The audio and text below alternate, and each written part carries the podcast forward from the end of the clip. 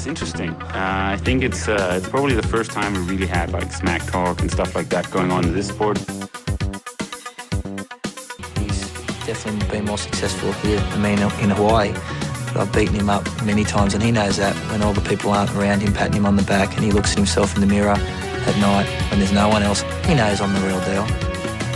Some people talk and they never won Ironman in Hawaii, so I could talk. I won twice.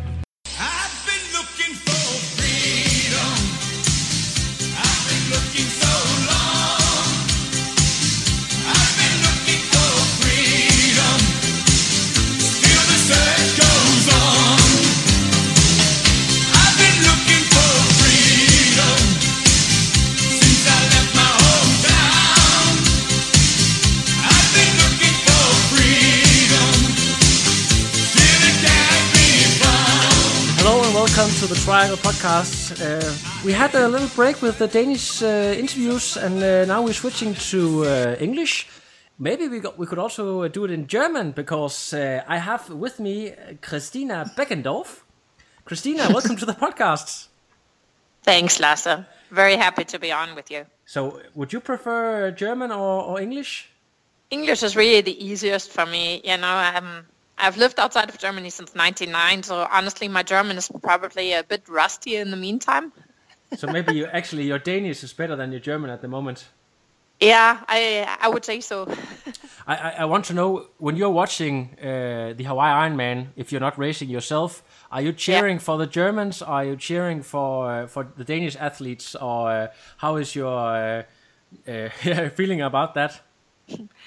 you know, with a with the risk of getting in trouble with all my uh, old fellow uh, German countrymen, and uh, I am when it comes to sports, everything but football, I have to say, then I'm uh, totally Danish. So I've gotten myself into trouble for that before with my family back in Germany, but that's just how it is. So definitely, you know, I like to see Danish dynamite out there, and especially, I mean, our fantastic Danish triathletes.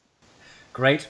So, uh, Christina, I think we should uh, start uh, talking about uh, the most recent thing that happened because uh, we met um, at the Speaker Tower back in Vejle this weekend, where you uh, you had your first um, duathlon experience, or at least a duathlon championship. Um, what was that like? Uh, and uh, tell me a little bit about your race. Yeah, uh, first of all, nice meeting you in person. You know, the Tri Oracle uh, in person, that was great, Lasse. And, uh, and yeah, my first duathlon. Um, of course, when we train, um, doing brick training sessions, I have done the type of duathlon scenario basically before, but I'd never had a duathlon race before. So for me, um, it was about throwing myself out to some new challenges and having a couple of really strong duathletes or former strong duathletes uh, as, as some of my best friends, it was probably just a matter of time before I would throw myself at, at duathlon as well. Uh, um, so it was it was fantastic going into this race uh, with just some cautious expectations about how I could perform because again I, I knew just how hard it is when you start a race with a run instead of starting with a gentle you know swim for the body to wake up. And uh, and and so uh, it, it was nice actually going in without you know any set goal. I kept a very low profile.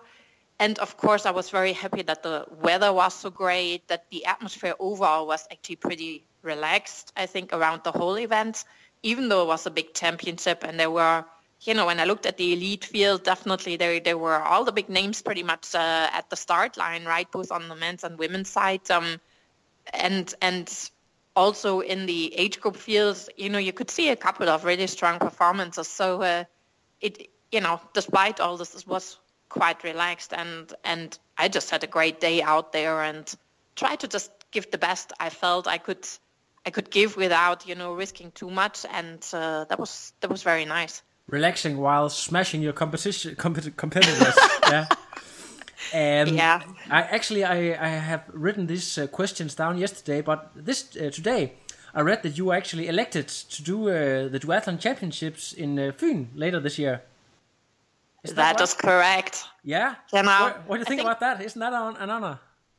Oh, absolutely. Uh, I am I'm absolutely uh, delighted to uh, throw myself at the next duathlon. Um, I think in Danish you say blod på ten. You know, now I've kind of I, I've uh, gotten into it, and I definitely uh, would like to to do another duathlon. And of course, when we look at Fyn, I mean, what a perfect opportunity. You know, the race is in Odense.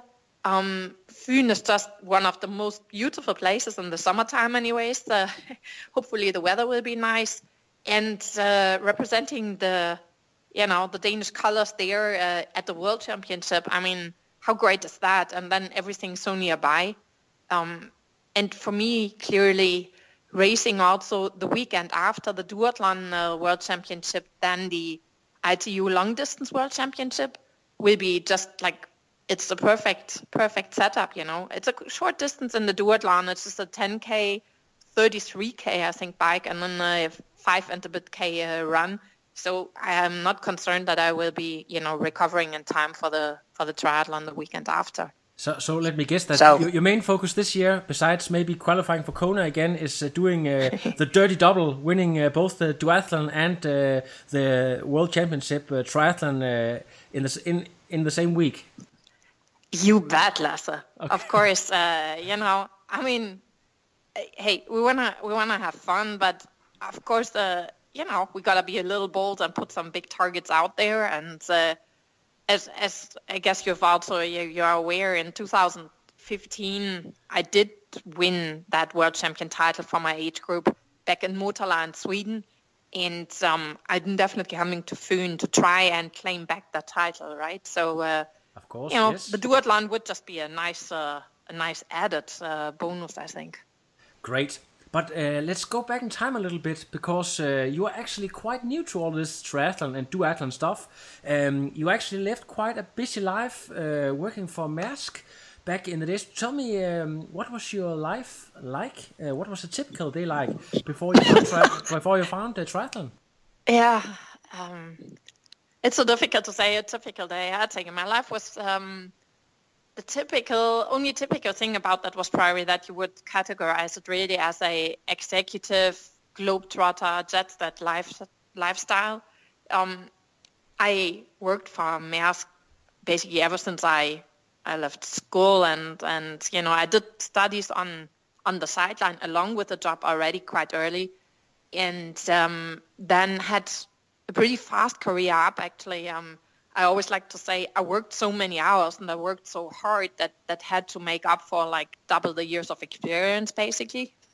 but uh, you know, so I, it was it was kind of interesting because now I was in shipping and logistics, which was still a very male-dominated um, industry. I was not even Danish, you know, and uh, young. On top of that, a woman, you know, it was like a career against all odds, if you want. Um, and being at the right place at the right time, then I managed to get into, you know, some big projects and moved out of Germany then already in 99 um, to Denmark. And then shortly after, I found myself moving to the US, living in Atlanta, in New Jersey. And again, one and a half years later, moving back to Denmark. So I was constantly on the move and had lots and lots of global travels going on. Um, sounds all probably quite fancy. And I had definitely over time, you know, all these gold cards, senator cards on frequent flyer programs, hotels, and and you name it. You know, I, I was earning more money than I could just spend. I mean, now I could probably spend it because triathlon is so expensive. Yeah, yeah, yeah, of course. At the time, I didn't have triathlon, so uh, there you go. Um, People yeah. often say that, that, that Germans in triathlon are so good because they, they really have this mindset of working really hard to get the goals. Is that uh, Totally. th- does that also count uh, in in work life that uh, that the typical German personality uh, are very goal oriented and, and, and hard workers? Yes, So that's we not- are. Yeah, it is. And maybe again back to, uh, you know, I, I grew up with sports. My dad was a volleyball coach. Um, I grew up with volleyball around me. I, I did all kinds of sports from, you know, gymnastics, athletics, dancing, badminton, squash, uh, yeah, and, and started with horseback riding. And, and at the age of 10, I started seriously getting into horseback riding. So I did that at a competitive level for many, many years. Um, Yeah. and I think it was around like when I was 16 or so that I started getting also more into volleyball again and and running. But running was for me the one thing I did just to get out, get some fresh air and do something that wasn't competitive, you know. Yeah. so I always enjoyed running. I never, until 2012, I never ran with a watch or any specific like goals to push myself or targets. But if I was going out on this like DHL relays, I would maybe run like a 22, 21 minute 5K. Um, just pushing until I was almost throwing up. I had no concept of pacing or so. But, uh, you know, if you say, okay, so how did this all come? Um, even though I worked a lot uh, at the time after my, you know, like horseback riding career, if you want, then Yeah. um, I I still spent a significant amount of time on sports. I mean, I was still training these like between seven and ten hours a week in some shape or form, whether that was, you know, going to the gym or running aerobics, uh, boxercise, boxing I did as well, uh, you know, whatever I could Yeah. get my hands on. um, yeah. But I believe uh, you didn't swim uh, one meter in all that time. Swimming is completely new to you. Uh, so, I, I mean, of course, you know, as, as here in Denmark, I guess in Germany, you do learn swimming in school. And, and I was even part of a swim club when I was like five, six years old, but never learned to swim freestyle when I was a kid. In Germany, it was all about breaststroke swimming, which Okay. I can claim my breaststroke, you know, for a long time was pretty much as fast as my freestyle. And I did my first triathlon still swimming breaststroke at a like two minute pace, you know. So, That's pretty fast. well, what was the incentive for me then to start freestyle swimming at the beginning, right? So Yeah. there you go. But uh, of course, you know, eventually I got But, into but, that. but too. how, in all this uh, busy working and uh, doing a little bit of sports, Mm. how did how did triathlon come up? Was that just some random uh, challenge or a bar bet or what? I uh, okay, maybe I came into triathlon from running. Um, I I had played volleyball and beach volleyball also at mainly you know like first division level, a couple of uh, tournaments at elite level, um, and and was quite active on that front. But then in 2010, I moved to the Philippines as managing director for a big shared services organization there and there was just no chance for me to do any beach volleyball, any team sports. It just doesn't exist the same way over there. And I also didn't have time. I was working absolutely mad hours at that time. Yeah.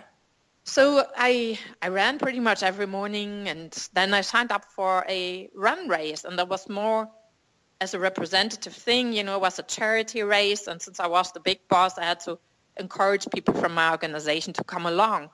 So I did this 10k, and you know, I ran a I think it was like a 46 minute or something 10k, and you know, ended up on like fourth place, and I'm like, hmm, well, maybe I should do something competitive. So you know, pretty much every weekend from there on, I was running 10k races and then up to like, yeah, half marathons and 25k races. And uh, ended up pretty nicely on the podium many times over there because, uh, I mean, in the Philippines, it was still all evolving and, and for that level, I, I was running at quite an okay pace. So um, then in that was in 2012 and then Yeah. in 2000 end of 2012 i came back to denmark you know my job kind of i i got a a job here back at the esplanade headquarters of maersk Yeah.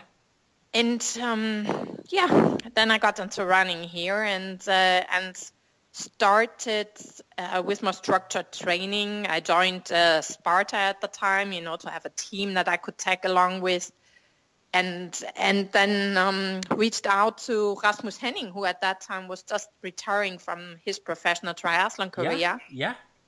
So And uh, totally- that's it. yeah, that's interesting. You know, a, a pretty crazy thing actually. I had read his book. This is the story. I had read his book, and um, when I spoke about how inspiring I thought all of this was, you know, what he had written there, and that I could really relate also from having done you know, performance sports in my life before. This focus, this dedication to a goal, the work you have to put in, you know, all of that. I, I thought that was really appealing. And um, heard then from a friend with whom I spoke that he actually knew somebody who knew Rasmus.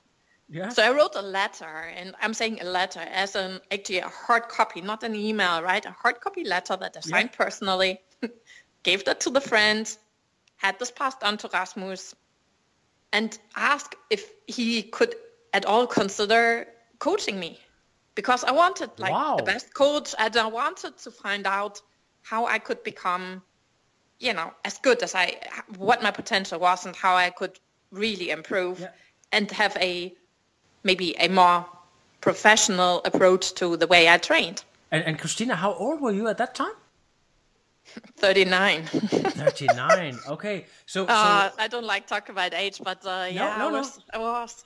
That's pretty damn old when you want to start in a new uh, sports career, right? But I just have to say because I know personally that Rasmus is very picky with his time. He, you know, he has uh, quite a large family and uh, yeah, Yeah. stuff with himself. So, so when he decides to to uh, coach someone, that's that means that you really have made a, a great impression on him. I guess I did. Yeah. you know, we met up for a coffee and I- I think we just clicked basically, right? So um, what what he liked was that my approach was really with a, yeah, you can say a, a pro mindset to the sport, and Yeah. um, exactly. Yeah. you know, and and he did like the idea to do something crazy where there was potential. We didn't know how much, you know, how far we could go or whatever, but just to support it, I think because it was pretty far out, I think that made it as attractive for him as it was for me, you know. Yeah. So, what um, did Rasmus uh, bring to the table besides, you know, uh, give more Ah. stru- structure to your training? What's what's the most important things that you took uh, with from uh, Rasmus's uh, coaching? I mean, first, uh, first of all, just all the experience. You know, I, I mean, I can't, I, I can't even believe, you know, what a rookie I was. In hindsight, you know, what a rookie I was at the time. I mean, even just like structured interval training on running, and I just got him on board as a run coach initially, right? Um, That even that, uh, you know, how to how to work with pulse zones and how to build a good training program and what type of intervals and effort to put in which, you know, it, with what purpose and in what sequence in the different phases of your program. I mean, I really learned quite a lot there, but um, yeah, yeah, clearly also uh, when I then got into triathlon, which was just a matter of time, I, I would say, um, because of of course, I mean, he is still was still a triathlete all the way through, right? Then uh, then especially when I started, I mean, I had never sat on a road racer before, you know, I never had the, the most scary thought for me was these click on pedals, which, Yeah. know, my feet would be stuck and what if I fell on something, you know, and yeah, and then open water swimming, I remember he had me, you know, he, he gave me one of the Huub suits that he had as demo model at the time uh, at an open water race and out I went. I had never been in open water before, so my first experience was to do a 1.9k open water race in Charlottenlund. That was, you know, and in crazy choppy conditions that day. So, I mean, um, he just, he just uh, kind of put me out there and threw me into all of these challenges and, Yeah. and things that I would have never seen or thought of if it hadn't been for him pushing me, you know. Great. You started uh, working with him as quite a newbie. You didn't really have any experience with uh, the most basic stuff, but ve- very soon you got, uh, yeah, I can use the word addicted, right? Because you, you started uh, doing uh, more and more full time triathlon and uh, less uh, career stuff. So uh, in 2015, I believe, you were actually training more or less full time. Isn't that right? Yeah, that's right. Um, you know, in in October 14, I had the chance. Uh, there were, you know, there were restructuring efforts going on in, in Maersk, and and for me, the plan when I returned to Copenhagen was always to make myself redundant, basically, and move all my work out into India and Philippines, which I did. So I built up the teams. I handed over my my job. And instead of then going for another new assignment within Maersk, I had the chance to make a really, really big decision, you know, for somebody who has never, I mean, who has never had like my own laptop, my own phone, my, I had a company car, I had a company, everything, you know, my whole life. Uh, I, I wasn't a senior director. That's a pretty, pretty big job. And, uh, and everything was taken care of. But then I decided that, you know, I mean, how many chances do you have in life to uh, to make a change and and to say, well, you know what, I I've been there, I've done that. I kept the doors open that I could do like a sabbatical kind of arrangement, and after a year or so, if I wanted, I could return to Maersk. So there Yeah. was no, there was a safety net, but I also I, I found myself, you know, sitting on planes and in hotels and feeling that I was living a mechanical life. You know, I was doing everything I, and I was training, you know, 10, 12 hours a week. So there was no time to actually live. Everything was just on schedule, back to back, every single day. Yeah. So you're sort And- of seeking an authentic life. Yeah, and I, I needed something. I needed a breather and I, I needed to get out of that, um, you know, hamster wheel, if you want. Yeah, exactly. Great. So, yeah, yeah, I followed my heart, and actually that time Rasmus was there for me a lot, and that is not just as a triathlon coach, but really, um, and he still today is as, as one of my closest friends and somebody who truly understood what I went through and was there to give me great sparring on all aspects of life and sport, basically. So um, it was fantastic to have him there to help me through this time as well, apart from, you know, my family and some closest friends. So, Christina, I'm curious to know. In 2015, in uh, Motala in Sweden, you became the age group world champion uh, at the Yes. ITU, ITU. Only two years after you, you started the sport as a complete newbie, without even, yeah, as you said, you couldn't Not even. uh, even. Not One even and a half years. years, to be One and a exact. half years, and you and becoming world champion that that fast. How did that make you feel? And uh, think Yeah. about triathlon in the future. And what what you were your thoughts back then? That must have been amazing. It was. It was. And, you know, I mean, again, in 15, I had this advantage that I could, I financially, I could afford not having to work. I lived like a professional triathlete, basically. I trained as many hours. I traveled around the world, did all these races. I mean, a month before that, I had won silver actually in the middle distance or half distance um, triathlon European Championship as well. So it was a fantastic year and everything went so fast that of course, on the one hand, you know, it's like you're really, really happy. But on the other hand, it also, it creates, I think for people around me, it created this type of taking it for granted almost, you know, expectation that of course I go to a race and of course I win my age group. Yeah. So that's So- been a, a pressure that I've found a little difficult to handle afterwards. I mean, kind of, how do you accept if you come in second or maybe some race goes really shitty, right? So What what what's the the your, your typical Dane? Um, how, how how do they um, cope with uh, your speedy success? Um, or that talk behind your back? Uh, how how did that come about? Maybe a little bit of jealousy? I honest, I honestly don't know, but there is no doubt that, I mean, when people are successful in Denmark with this whole Janteloven and everything, you're not supposed to celebrate Exactly, too much, exactly, right? So yeah.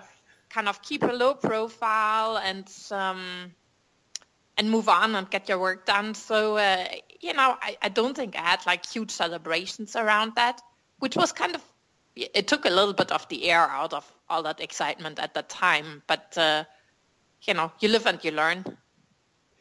Cool. So after 2015, was that when you uh, you changed coach to Frank Jacobsen? Yeah. Um, in late 15, Rasmus uh, started his job with Team One. And um, during that time, and then also Anita and him were expecting their their third uh, child, their son. So time was it became very difficult for for Rasmus to continue coaching me as well. And uh, then on top of that, I wanted to get ready for my first full Ironman races.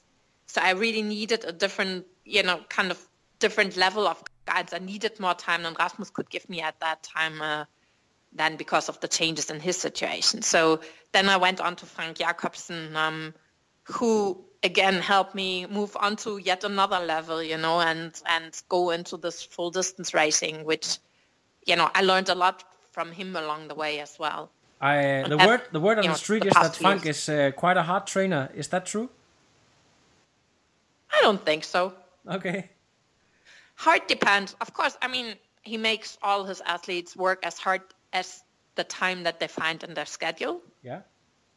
So since I had a lot of time, I was training my 24, 26 hours a week uh, as, a, as a normal training week.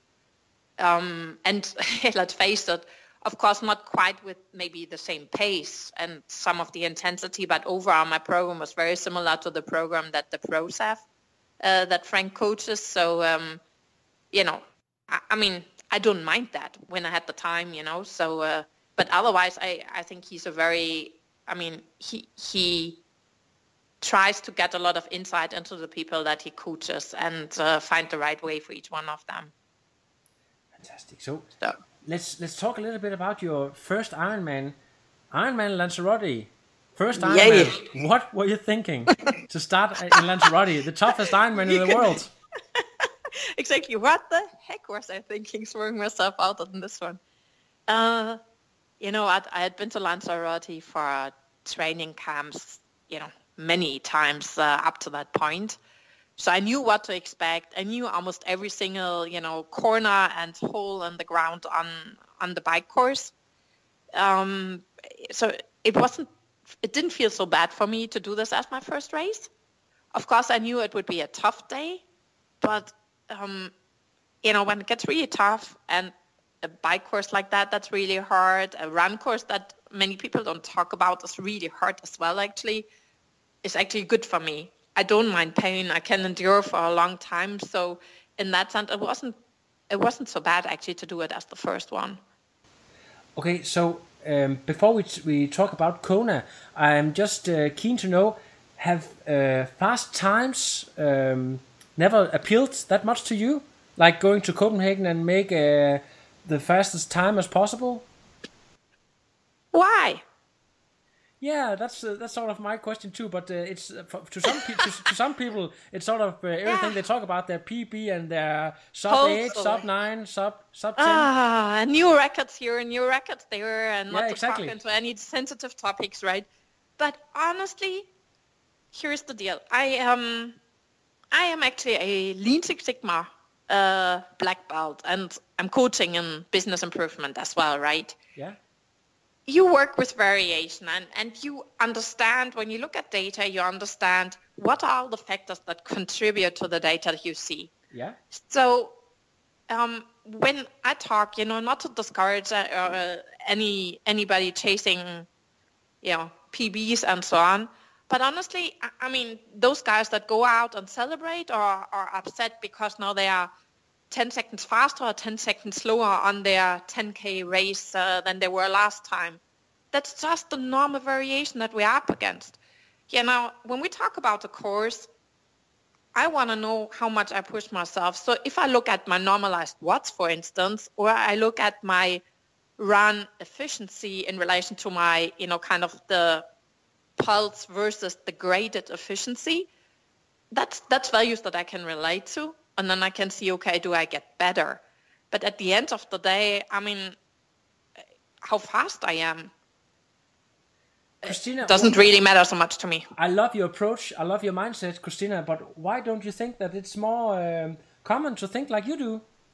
Why does everybody? Because it's much more the- complex. Yeah, yeah. so you think that people are not smart enough to understand the complexity? Well, you know, for communicating to people that are not in the sport and maybe not into all the data and details so much, it's much easier when you talk about a total time that you use, right? But if you look at all the factors, you know, then then you look at how hilly is the course, how technical is it, is it a wetsuit, non-wetsuit swim, is it a ocean swim or not? Do we have a lot of wind on the bike? Is it hot? Is it humid? I mean, there's so many factors going into that, not just your own personal performance, right? So based on what factors do you establish a normalized comparison amongst courses or amongst even times on the same course. Exactly, and I believe that after Texas this uh, a, f- a few weeks ago, I think uh, this will be something that uh, that Ironman is going to to maybe uh, take a little bit more serious in the future because people might also start to um yeah consider which race they use to avoid uh, drafting and to have more fair racing. Yes, yes, absolutely. So um, you qualified for Kona first time around. Uh, you've been there two times now, but uh, when I'm looking about your your you had your first year uh, 25th and uh, last year uh, 38th. Um, maybe not the, the success you're used to. What what's the deal with the you and Kona? Yeah, we have some unfinished business, Kona and I, you know. Yeah. Maybe you can uh, tell us a little bit about the the Kona Um, experience. okay. When I went into Kona 2016, again at that time I I- was still working much less than I have been working now for the past year. So I had the chance to go actually and do the 70.3 Worlds in Australia, Sunshine Coast, beginning of September. Um, I spent four weeks there and then went straight to Hawaii, spent three weeks there. Now I had a little issue and, and back to, okay, you know, did I have a tough training program? Yeah, actually, um, I did have plantar fasciitis issues um, already going into the race in Australia. And after that race, I tried to have a good recovery period. I didn't run a lot up to the race in Kona that year, but um, very honestly, I, I mean, just even running after the swim, running barefoot to transition was, I mean, so painful. And, you know, I, I could not walk. And honestly, after Kona 16, I had 10 weeks without, uh, without running at all. I had to walk with a walking boot and crutches and stuff. Um, eh, It was bad. And as such, getting through that with a three, I think was 347 or something marathon was actually still quite decent. but uh, yeah, so so that was that year, and again, it was my first time Kona, so I was also a little a little on the cautious side as far as uh, you know really pushing swim and bike too much. Yeah. Um, then last year, uh, I well last year in the summer we found out that I had uh, belastningsastma, you call it in Danish. Yeah. So I, I started having, yeah, yeah, exactly. I started having breathing issues, and I got then some medication just some some weeks basically before I left for Kona. And as we found out afterwards, this medication apparently doesn't work in over 25 degrees. So uh, I, uh, you know, I, I, I was not doing very well over there, and also with the rain we had up to the race, uh, the humidity was very high, and it simply, I mean, it took it took all the energy. I couldn't sleep uh, for days up to the race because I couldn't breathe and I didn't feel particularly well. So uh, yeah, I got through the race best possible, but the marathon was just uh, survival, trying to like jog the marathon through basically for me, and also it was really a shame because I was in really, really good run shape before the race and and yeah, very disappointing and I I really want to go back to Kona to try and at least get a better race. I mean, where that then ends up in the results, you know, it's tough competition out there. It's it's never gonna be easy, but uh, yeah. So uh, is it uh, Kona 2018 or is it um, a main target for for future years or when do you make your big Kona Kona target? Yeah, uh, the last two years now, I had always these like early Ironman races. So I had last year at Lanza, uh, 16 at Lanzarote, last year Texas, and then the whole like summer was already so focused on Kona. So this year I told myself that I take one target at a time. So right now, my big target is the World Championships. I have to say now on Fyn, Yeah. and then I will see if after that I will do. Uh, I'm looking at Ironman Tallinn actually. Schedule wise, it would be perfect, and see if I can then get a ticket for Kona again to go back this year. So that's kind of the scenario I have right now. But again, I don't want to kind of go into this whole season already thinking about Kona right now, to be honest. Great. So let's before we, uh, finish off, we'll talk about your sponsors. Then um, I know that you are self-coached at the moment. So uh, have worked with the two very skilled coaches like Frank and uh, Rasmus Henning. Uh, Yes. What do you think about being uh, self-coached and managing your own time? I have to say, having the type of lifestyle I have, where I work as as business consultant and have a varying schedule, um, makes it easier being self-coached because I can adjust things more freely without having to spend a lot of time coordinating with a coach back and forth all the time. And then, you know, I, I have days where after work I'm really smashed and I don't quite know, you know, if I have planned certain hard sessions. I sometimes have to find out if my body is ready for it or not. So I'm I'm listening a little differently to my body now um, than I maybe did before when I tried to still go with the program I had gotten. So Yeah. now, what yeah. do you do when you when you need to push yourself real hard nowadays? Yeah, Are you still able I to don't have push? problems with that. Okay, okay, that's not an issue. That's not an you issue. know, Uh, you are I German after all. You are German after all. Yeah, yeah. I mean, the coaches were really uh, having a big role to hold me back rather than push me more. Uh, And I think they'll they'll smile if they hear this now and confirm. That's so great. Okay, uh, Christina, uh, I know that you have a, a few sponsors that you want to give some airtime when you're on the podcast. So just, uh, yeah, throw them out there. Yes, thank you, Lasse.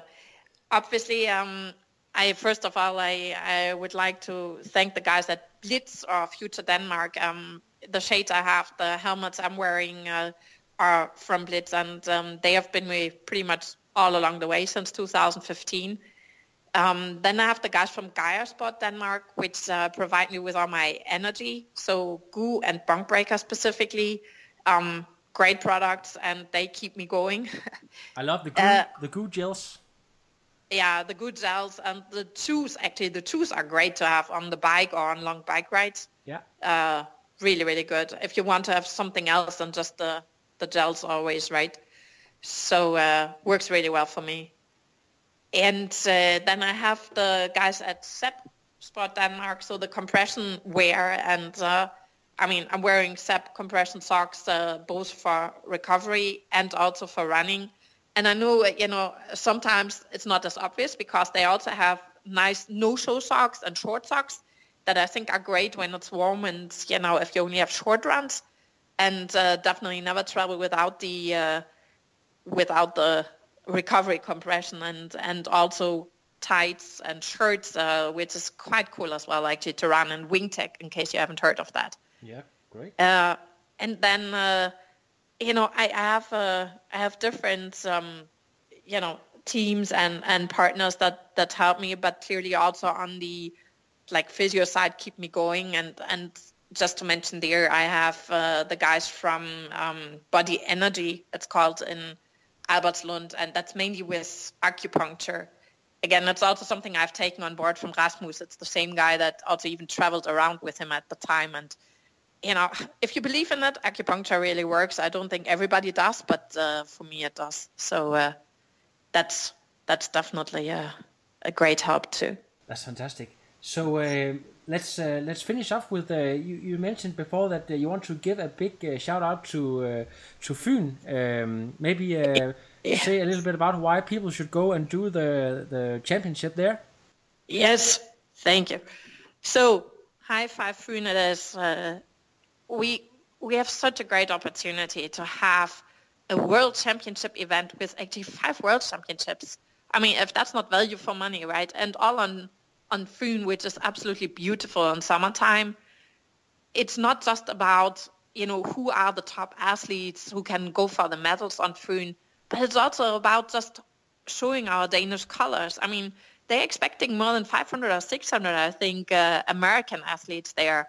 So, I mean, come on, guys. You know, we definitely have to have to have more red and white uh, out there than the U.S. flag. And um, That will be quite embarrassing if we can't uh, match them. Absolutely, and and again, you know, like I'm gonna race the duathlon uh, world championship one weekend, and then the long distance the weekend after. There is an opportunity for the body to recover in between, and it's on weekends, so it's just a drive. You know, it's less than two hours to get to Odense here from Copenhagen. It's easy to reach also from Jutland. So, uh, guys, come and have a big ball and celebration there with us of uh, great sports and, and great sport spirit as well. Uh, I look forward to that. And Christina, can you guess who's going to speak the event? Oh, let me guess, Lasse. Yes. Let me guess. I am looking forward to seeing you there as well then. Yes, speaking the events. So uh, please show up to uh, Fantastic. World Championship. That would be great. Christina, thank you for sharing your story and uh, flashing your sponsors. That was so great. Thanks a lot, Lasse. A pleasure speaking with you. Yeah, likewise. And uh, I'll see you out there. No, I am done. Another. But now it's, I'm done. I have no power.